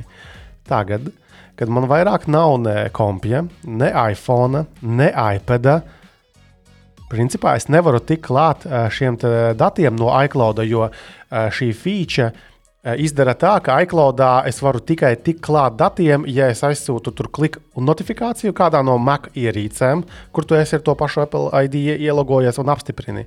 Tikai tad es varu no weba dabūt laukā. Tāpēc Tagad man būs jādabū kaut kāda uh, Apple ierīce, jāielogojas iekšā Jālogojas un, un jāmēģina jā. izslēgt laukā šī feature, lai es varētu tagad, uh, kā, kā Apple ierīču nelietotājs, uz šo brīdi vispār tik klāt savām vecajām mantām, kas man iCloudā ir pieejamas. Nu, nu, es, ši, es varbūt nebiju tādā kontekstā, bet es biju aizdomājies par šādu gadījumu. Jā, ja man kaut kur vajadzēs tikt, un man nebūs tas fiziskā ierīce, es jau netikšu, jo viņš jau glabā tagad tikai fiziskajā. Tas nozīmē... Vai vajag apstiprināt, sanāk, jā, jā teici, un tagad tas nozīmē, ka man ir jāmeklē tas uh, garais šifrētais kods, uh, lai es varētu atcelt šo feature. Jo tur taču bija jāizveido tā šifrēšanas atslēga. O, Henrijs arī aizdomājās, paskatījās grieztos, kur viņš viņu ir pieglabājis. Oi, tāpēc, tāpēc jautājums, es esmu ieslēdzis, man liekas, beigās neieslēdzu. Bet tur bija visas tās apstiprināšanas. Jā. Bet, nu, kuram normālam cilvēkam ir tāda situācija, kurš lieto Apple produktus? Nu, tā nav. Jā. Tu pats jau sataisīsi problēmas. Nu, pats vainīgs, protams. protams jā. Bet ziņa uh, ir tāda, ka Apple Music Classical lietotne ir jā. pieejama arī Android ierīcēm. Uh, man bija sajūta, ka tā nebūs Latvijā viņa pieejama, bet tikko jā, sar sarunas gaitā es uzneslēju, protams, ka viņš prasa uh, ielogoties. Vispār tik dīvaini Android telefonā redzēt uh, jā, Apple, Apple, Apple ikoniņas. Nu, redzi, Uzreiz tas ir Apple. Sajūties, jā, un atverot arī šo lietotni, tur viss izskatās kā mājās. Es tam citu, viņu man ir uh, tas free trial. Es, ah, es vienkārši dabūju free trial caur Sonus. Un tā kā es testēju tagad nākamos sonus, tad es klausos Apple Music Classical.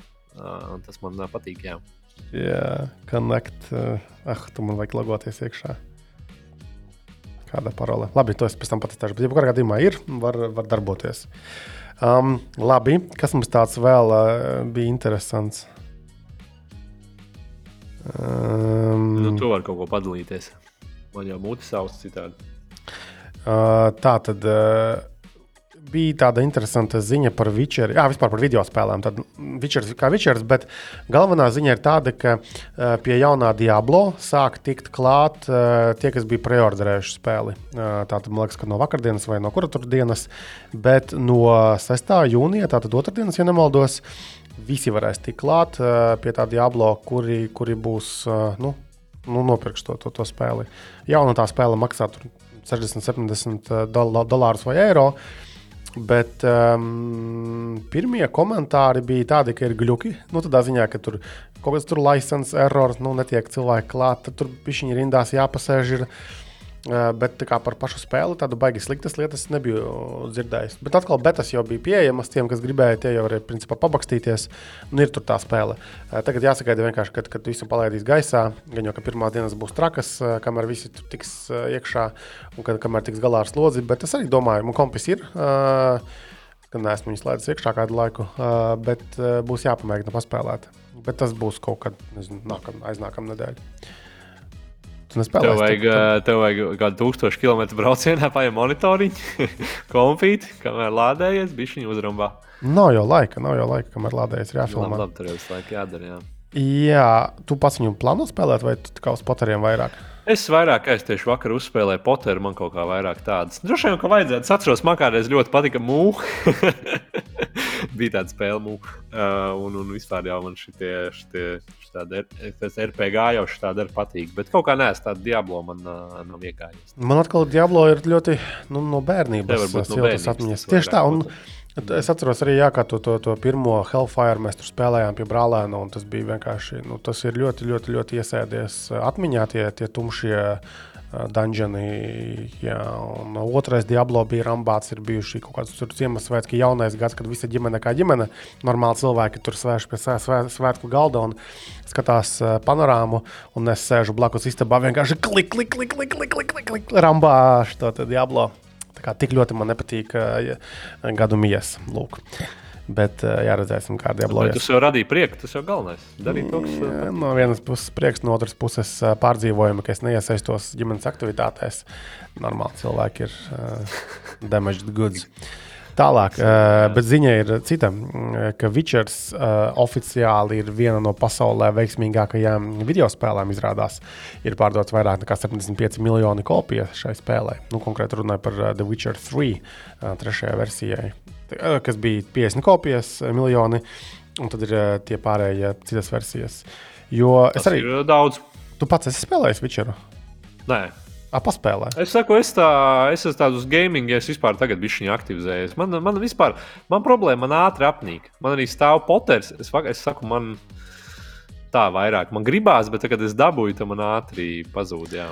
Tā ir mūsu laika problēma, tāpēc, ka tev pieejams ir viss. Agrāk tur vēl. Būt kā tu saki, maksāt 70 eiro par katru spēli, kur es zinu, ka tas maz. Protams, uh, Xboxam ir Game Pass, bet nu, Witchers jāskatās, vai viņš tur vispār ir. Viņiem tās trīs AAA games ir ļoti vēlu parādās, tās mm. labās. Bet Witcher es tev rekomendēju, jo tur mm -hmm. drusciņi ir maģija, kaut kāda tur ir jāšana uz zirga, uh, tur, ir, tur, ir, nu, tur, ir, tur ir smuki un, un forši. Un, un ir atsevišķi skati, piemēram, purva vecenas, ja tu tiks līdz viņam, pafīgi, cik labas. Nopietni. Tā, kā, tā spēle ir fenomenāla. Nu, nevelti.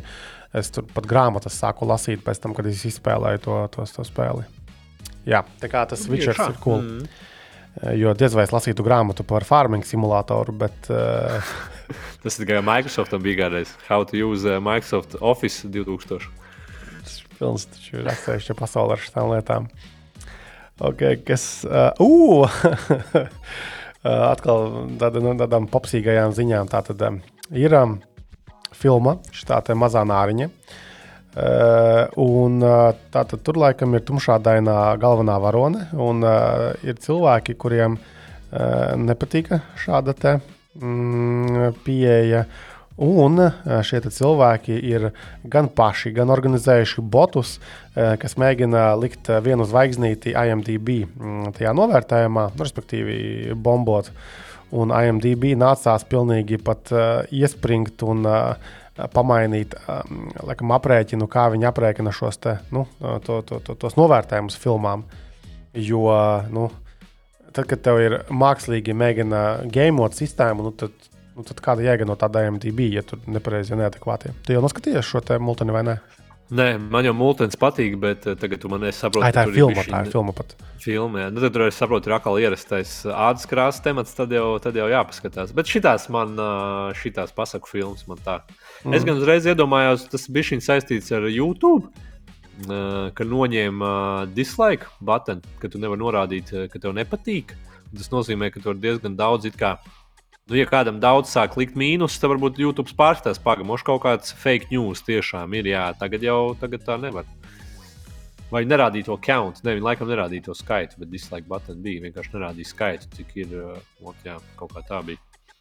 Jā, jo tā kopumā ir tāda izteikta problēma, un mūsdienās ir īpaši cilvēki māca organizēties, lai veiktu kaut kādas darbības, parasti kaut kādas švakas darbības. Uh, Un uh, novotot uh, nav baigi sarežģīti. Un savukārt uh, algoritmiem, teiksim, YouTube pusē vai MDB pusē ir jābūt tādiem, kas ņem vērā šādu mākslīgas uh, manipulācijas. Jo citādi, nu, kā jau minēju, tad nebūtu jēgas vienkārši. Nu, tā kā IMDb mēs jau ielienam tikai, lai ātri uzmestu acīm, hmm, ok, ir, ir normāli novērtēts, hmm, varbūt paklikotos, kādās vēl filmās ir bijis šāds vai tāds cilvēks. Bet, um, jā, redzēsim. Skatāmies mazo nāriņu un esam priecīgi. Tālāk. Nu, viss būs labi. Uh, tālāk, vēl jau Masku mēs pieminējām, tad kā, kā viņam Twitterī vispār iet. Twitterī bija interesanti. Tātad, um, uh, pirms pāris nedēļām uh, viņš mēģināja tajā Twitter Spaces, nu, tajā tiešraidžu uh, feature, uh, hostot uh, kaut kādu aizmirstu čali, kurš taisās par Amerikas prezidentu būt. Nu, tad atkal politiskais viss šis pasākums. Un viss brutāli nokrašoja. Tā kā pilnīgi nu, nedarbojas tā feature. Acīm redzot, viņš tur bija baigi sasolījis uh, tam uh, potenciālajam kandidātam prezidenta amatu. Un, nu, ka būs forši, viss tev nezinu, nevajag varbūt kaut kādā televīzijā, kur tev pie mums nāca un būs baigi skaisti. Un pirmais mēģinājums bija reāli. Uh, Felix, jo tīri tehniski nespēja Twitterī uzturēt uh, tos vairākus simtus tūkstošu skatīties gribētāju šo tiešraidi. Nu, lūk, pie kā noved uh, tā tad uh, brutālā cost cutting un, un visu tur serveru un cilvēku atlaišana. Twitter Bet, nu, pārņemšanas nu, brīdī. Interese bija liela, tā tad tik un tā.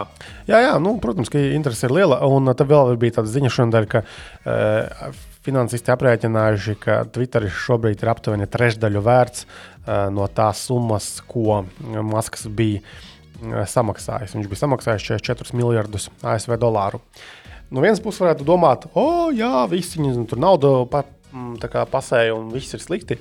Bet no otras puses, man liekas, ka tas ir reāli normāli. Nav, nav viss tik slikti, jo nu, mēs paši It īpaši tie, kas uh, seko līdzi finanšu tirgiem, uh, tie, kas varbūt arī paši kaut ko investē, nu redz, nu, ka viss ir šausmīgi. Mm, iet augšā, iet lejā, tev ir buļbuļs skrējiens, tev ir lāči atkal lāk. Un, uh, un tas ir normāli. Uh, Twitteris nav pazudis. Twitterim ir daudz alternatīvas uzradušās, bet būsim reāli. Neviena, nu, vispār, nu, nekā neapstrādāt. Tas ir tā kā nu, konkurence. Tas ir vecais labais stāsts par SS. LVSS.com.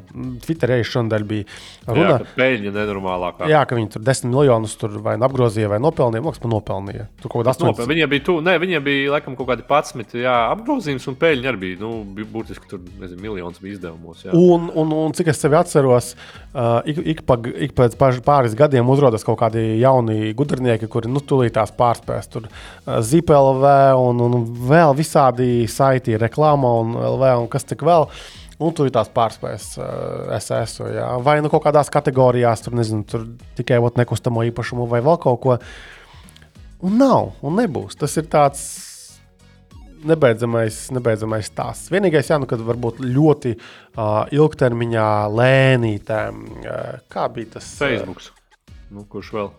Nu, Facebook marketplace ēlītēm kaut ko velk nost, un uh, tad ir uh, nekustamiem īpašumiem, kas tur bija tas. Uh, dzīvoklis 24. Nē. Ah, lido no galvas.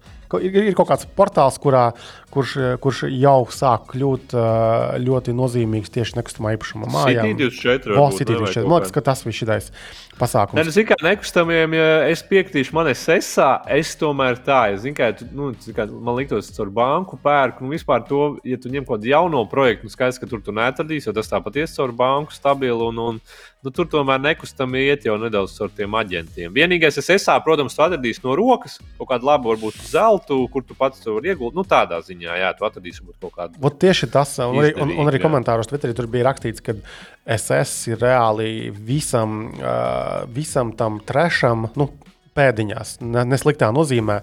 Tātad uh, visa veida dzīvokļi, kas ir uh, ne jaunie projekti, visi reģionos uh, mājokļi, dzīvokļi, mašīnas lietotās. Uh, Tur bija kaut kāda dzīvnieku kategorija, kaut kāda tur nereģistrētie dzīvnieki. uh, jā, tur... Remonti visādi, visi šie pagrabu, visi, kas ekrāns maina iPhone, nezinu, kur tur. Jā, jā, jā, jā tā kā. Pagad, ar, kā mēs tikām līdz esam? Kāda, par, kāda, par, ah, par masku, vērtību, jā, par masku respektīvi. Jā, par jā, tad Twitteris nekur nav pazudis un visdrīzāk arī nepazudīs. Jā, ir, maskam ir jānomierinās, un viņš patiesībā Twitter kontekstā ir nomierinājies. Bija sākumā viņš karavīgāks. Uh, viņš ir atradis uh, izpildu direktori, viņam būtu jāļauj uh, uh, viņai kļūt par tā tādu nu, uh, vadītāju, normāli, bez viņa iesaistes. Kā, pat, pat ja viņš viņu vadīs, varbūt to nevajadzētu tik ļoti publiski afišēt. Jo kāpēc? Uh, lai uh, reklāmdevēji nebaidītos vairāk. Jo problēma šobrīd ar masku ir tāda, ka viņš ir ārkārtīgi toksisks, un uzņēmumiem nav nekādas vēlmes saistīties ar viņu. Uh, un kā, iegūt potenciālus riskus, kāpēc viņam tērēt naudu Twitterī kaut kādā. Nu, nav jau tā, ka nav kur citur reklamēties. Ej pie Google, pie Facebook, Microsoft, visur tev būs. Uh, un vienkārši viņam ir bijis jānoiet no stūra, lai viņš risina Teslas jautājumus. Visi būs labi tam Twitterim. Un uh, varbūt viņš tiešām izdarīja biznesa ziņā kaut kādas lietas, kas, uh, kas nākotnē izrādīsies pareizi. Es ticu, ka tur vērtība tikai pieaugs. Atkal. Uh, Nu, es ticu, nu, droši vien jau ka nekur nepazudīs. Jā, tā ir viss tas lielais noskrienās, viss tā bļaušana, nezinu, tāpat kā pa jauno prezidentu vai pa kaut ko, nezinu, hokeja čempionāta emocijas. Viss jau noskrienās un ikdienas dzīvē turpinās. Un tad, jau, mm. tad jau skatās, jā. Jo tu droši vien arī pārdzīvosi eh, pirmdienu, brīvdienu. Uh, nu kā, nu izdzīvojām mēs visi, bet jā, tur bija cepieni diezgan lieli. Mana lielākā problēma visā šajā stāstā bija tā, tā tad, uh, tas veids, kā tika pieņemts šāds lēmums. Jā, es saprotu, liels notikums hokeja pasaulē.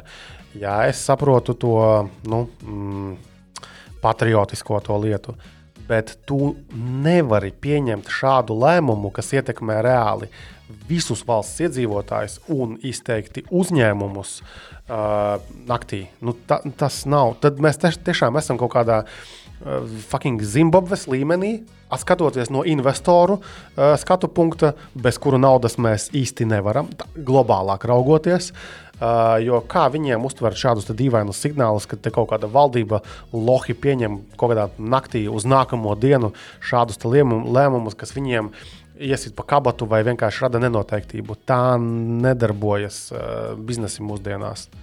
Pārējais, jā, viss tur fini priecājieties, viss kārtībā. Un, kā, man jau liekas, ka sabrauktu ārkārtīgi daudz cilvēku arī tad, ja uh, būtu bijusi teiksim, šī te, uh, darba diena. Un es arī pēc uh, savā darbā chatiņā mēs arī, arī rakstījām, ka, hei, protams, jāsaskaņojiet ar nu, kolēģiem saviem projektos.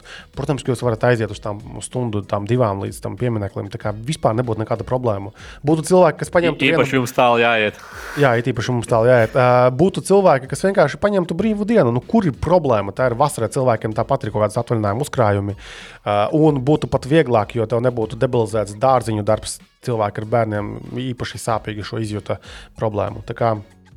Tas nav stāsts par brīvdienu, tas nav stāsts par hokeju, tas ir stāsts par nekvalitatīvi pieņemtiem lēmumiem valdības līmenī. Un tāpēc ļoti labi, ka bija tās smiltēna mēmes, un es ļoti ceru, ka pielips. Tāpat kā aboltiņai ujināšana, es domāju, ka ir daudz cilvēku, kas atcerās aboltiņas ne tikai pēc frizūras ekscentriskās, bet arī pēc ūjināšanas keisa. Es ticu, ka smiltēnam būs arī šis smiltēnings. Smiltēns jau ir bijis viņas labā. Viņš mācījies no viņas. Ir, uh, tā kā, kā saka, kaut ko ir nodevis arī šādā ziņā.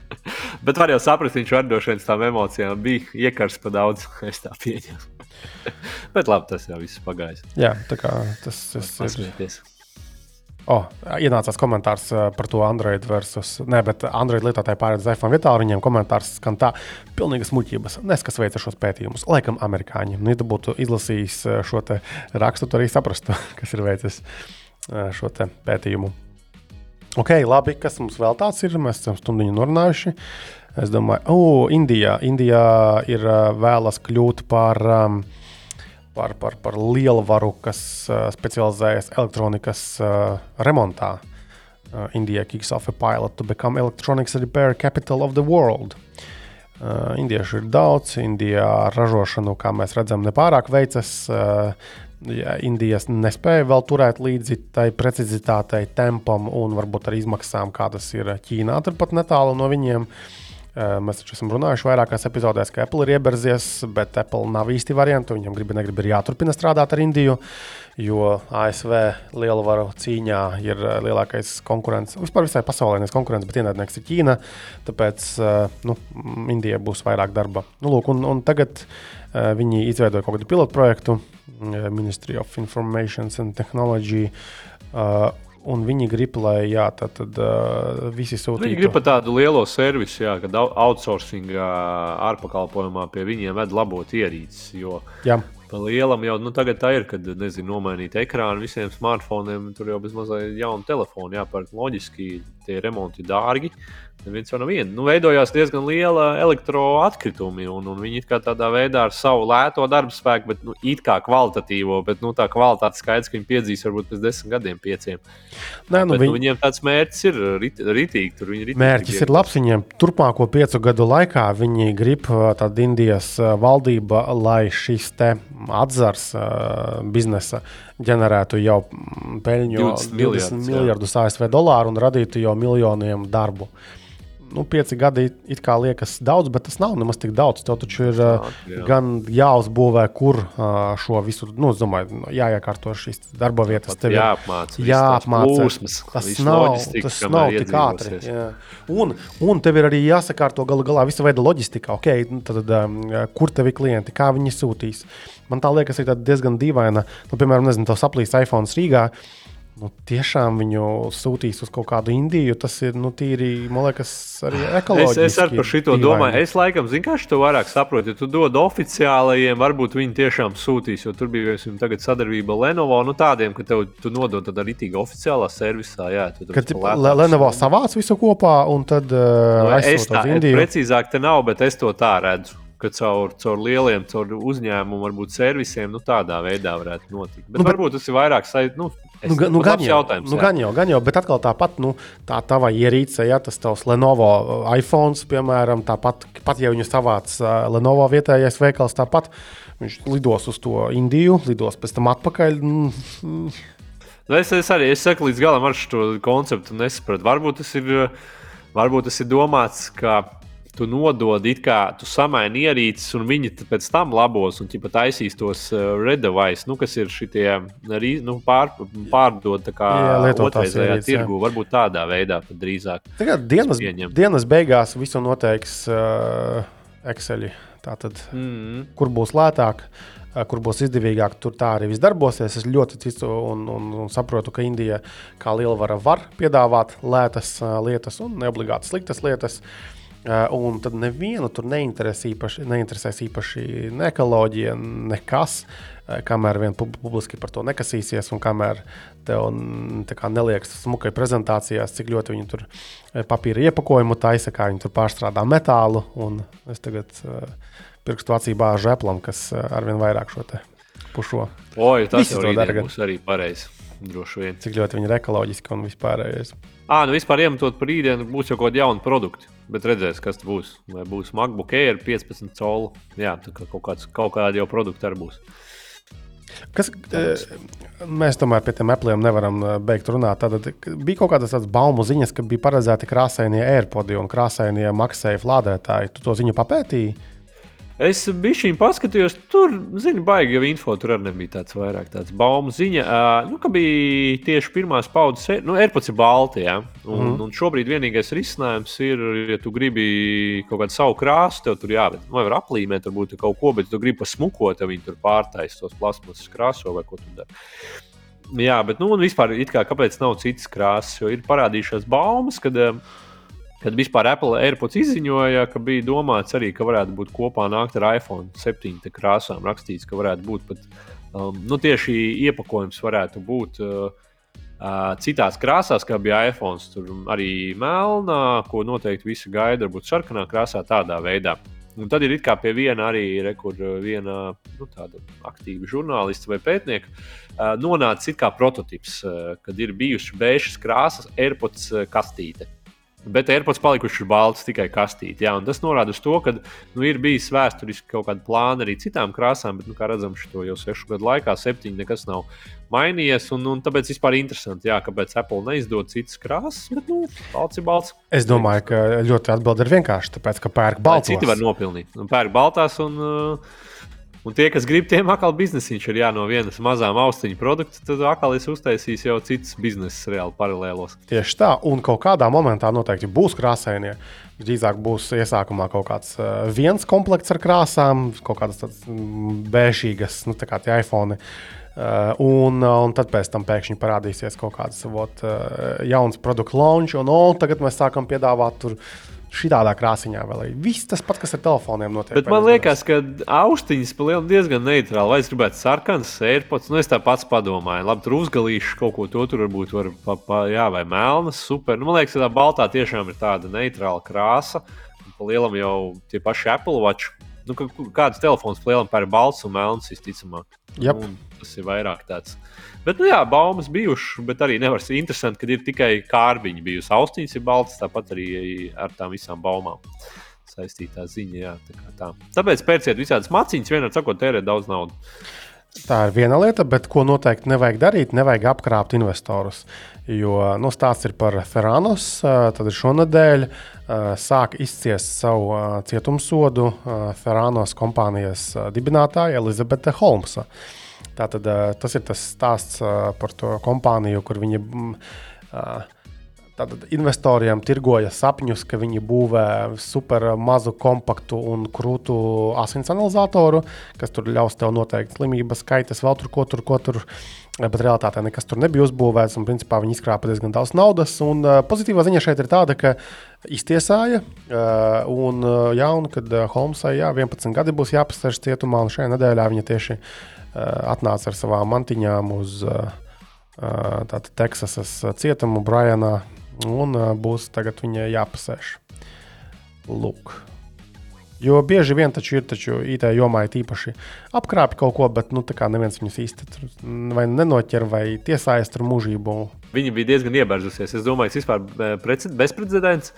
Un, uh, jā, nu, ka viņi tiešām ritīgi jau cietumsodos. Bet nu, tur tomēr ir veselības lietām, un viņi tur bija ritīgi, ritīgi samelojusies. Jā, jā, jo to noteikti šādi nevar rīkoties. Lūk. Um, tā, kas bija vēl tāda ziņa, ka Portugāle ir plāno aizliegt Huawei. Uh, dzelžu izmantošanu 5G tīklos, kas man diezgan pārsteidza. Man jau likās, ka mēs esam tikuši jau pāri šīm visām lietām, un vairāk neviens neizmanto. Uh, nu, laikam tā gluži nav. Jā. Atkal gan jau, ka nauda vienkārši visu nosaka. Un, ja Jā, tas bija rakstīts. Eh, Portugālē esot diezgan daudz Ķīnas investīcijas. Viņiem ir lielākās investīcijas Eiropā uz cilvēku, laikam tieši no Ķīnas. Jā. Mm. Kā, Tā vispār pasaulē, tieši uz iedzīvotāju. Bet uh, šajā rakstā bija pieminēta arī Latvija. Jā. Tas jau nu, bija deal, tomēr tādā lielā mēdījā, tehnoloģijā. Vai kas tur bija par Latviju? Nu, viņi pievienojās Portugālei, Latvijai, Dānijai, Zviedrijai, Igaunijai, nu, kad, oh. kas aizlieguši jau tieši 5G infrastruktūrā izmantot vispār. Jā, jo Latvijas gadījumā Huawei. tā aktīvi Huawei izmantoja tikai Bite un, un, un, un arī LMT. LMT ir, man liekas, vēl man mājās ir uh, vecākiem. Pagaidi, runa ir par uh, core networkiem, respektīvi par uh, tīklu. Ah, par pašu daļu. staciju aprīt. Nu, Tas, tas, ka viņi jā, tos ok. okay. rūtarus tirgo, jā, visi ar to slimo, vairāk vai mazāk. Bet arī tad, nu, paskatieties, ko LMT baigi uh, teiksim, izvērš sadarbību ar mikrotiku. Uh, ja citi meklē kaut kādus vēl tur citus providerus, citus ķīniešus. Bet, uh, jā, Sony. bitē, Nē, Sony, Sony? Nokia. Nokia, jā. Nokia jā. Un uh, bitē, jā, viņi bija. Nu, ir jāsaprot arī, ka tas ir ļoti liels izmaksas. Tu nevari tā ot, vienā dienā bums izvākt laukā veco tehniku, ielikt jauno tehniku, jo tas kādam ir jāapmaksā. Un tu diez vai gribēsi pie, pie rēķina savā mobilā sakuru pielikt pāris eiro klāt katru mēnesi, lai varētu notikt šī ātrā izmaiņa. Bet, nu, neskatoties ne uz ko, tomēr arī bite tātad uz Sony Ericsson, uz Ericsson tehnoloģijām, bez Sony tīklu pārslēdz. Un man liekas, ka tur no, no Huawei iekšā tīklā vairs nevajadzētu būt nekam baigi daudz. Nu, vismaz nākotnē raugoties, tad būs bez, bez, bez Huawei tehnoloģijām viņiem tas tīkls. Lūk, tā kā jā. Kas mums tur bija? Jau skatījies, pagaidām, Laurim bija jau par jauno Huawei P60 uh, vietā runa video. vai ne? Man liekas, kaut kas bija, bet es neskatījos. Ne. Neskatījos. Varētu būt, ka, ka, ka bija. Kā saka, viņam jau nodevs jānodod. Jā, tā kā, nu, gan jau kamera ziņā tas telefons ir krūts, un tur kā par to man jautājumu īsti nav. Nu, tas skaidrs, jā, bet nu, kopumā es pat nezinu. Nē, nu, acīm redzot, jau kaut ko jau pērk Latvijā, ja viņiem tomēr viss nu, nav jau tā, ka biznesa ir galīgi apstājies. Pagaidi, pagaidi, pagaidi tā LMTLV attaisīsim. Man, man tas, Jo LMT man liekas, ka viņi pārdod. Es pat biju bijis nošokējies. Es biju es, nu, es nošokējies, bet es uh, biju pamanījis, ka tā tad, jā, tas telefons tiek tirgots, un uh, viņiem mm, pēdiņās bija aizmirsuši norādīt, ka tur nav Google servisu. Tā pagaidi P60, un, uh, un tas Twitterī bija tas riebīgais, uh, kurš norādīja, ka, hei, salabojiet informāciju, un tagad paskatīsimies. Tu biji tas, kurš visu raksta Twitterī un gaida, ka viss izmainīsies. Jā, un, un, Pieņemot, ka Twitteris ir pareizā, viss pareizā. Nu, bet, ja, pasaule. nu, bet nu, nav pareizā pasaule, bet, ja, ja tas pats LMT uzņēmums ir šajā konkrētajā gadījumā, Nu, ir šajā jā, tīklā, Protams, sociālos tīklus. Jā, tad- tad kāpēc, nu? ir. Tas nenozīmē, ka, ja es kaut ko uzrakstu, ka obligāti visam ir jāmainās, bet vienkārši es esmu izteicis savu nu, viedokli. sagaidi. Nē, nesagaidu. Nu, Tur jau tā lieta, ka es nesagaidu. Twitter lietotājs. Uh, bet vakur ir izmaiņas. Tātad, ja mēs atradīsim LMT mājaslapā Huawei P60 Pro, uh, pie operētāja sistēmas sadaļa rakstīts, ja MUI tur 13.1 un ieka viņās neatbalsta Google Play servisu. Vispār jau ir servisi, uh, bet nevis viens kaut kāds servis. Bet ir šāda piezīme. Protams, ka es domāju, ka random lietotājiem uh, viņš viņu izlasa, vispār jau viņš neizlasa tajā sadaļā Neko vispār neko, neizteiks, un viņam arī neko neizteiks. Tur jābūt kaut kādam, vispār būtu pie kaut kāda ptāts jāgriežas, lai viņš uzdod par pienākumu visiem šiem gadgetu tirgotājiem, kaut kādu nezinu, pop-upu milzīgu rādīt, ka, hei, tu Latvijā šo telefonu normāli lietot nevarēsi. Un links, protams, uz to mūsu kursoru rakstu, kur mēs to Novo 10 testējām. Bet, nu, beigās jau tu ielādēt varēs tās lietot. Nu, zini, kā, labi. Ar dibenu, jā. Es nedomāju, ka kāds baigi. Nu, bet, nu, kaut kas jau pērk, bet, nu, kas pērk, labs, vispār interesanti, jā. Kas viņam tā tirgus daļa tur ir Latvijā un vispār Eiropā. Jā, jā. Ok, labi. Uh, ja nav vairāk nekā tāda baigi aizraujoša, ko mēs gribētu uh, Jā, parunāt, varam Spērt gaisā mūsu kārtīgi, tikko uzcept. tad es domāju, ka jā, tad apaļojamies, jo man vēl viss šis ir jāsamontē, jāsaliek un jāizpublicē šodien, tuvāko dažu stundu laikā. Vēl tā nisans jāiedzen, uh, dīlerim atpakaļ jādod. Um, jā, paldies, Henrij, uh, ka piedalījies šajā te uh, divu cīsiņu epizodē. Uh, cerams, ka nākamā nedēļa labākā. Nebija slikti. Nebija slikti. Mēs varējām runāt par Apple tēmām vienkārši no sākuma līdz beigām, un ko mēs arī darījām. Mums bija valodas ziņā diezgan tīrs. Nebija bijis fleķi. Ja? Jā. Un Tas ir cerams, ka nākamā nedēļa būs, kad uh, Ansis augšām celsies. Ok, labi, davai. Atā, atā, atā.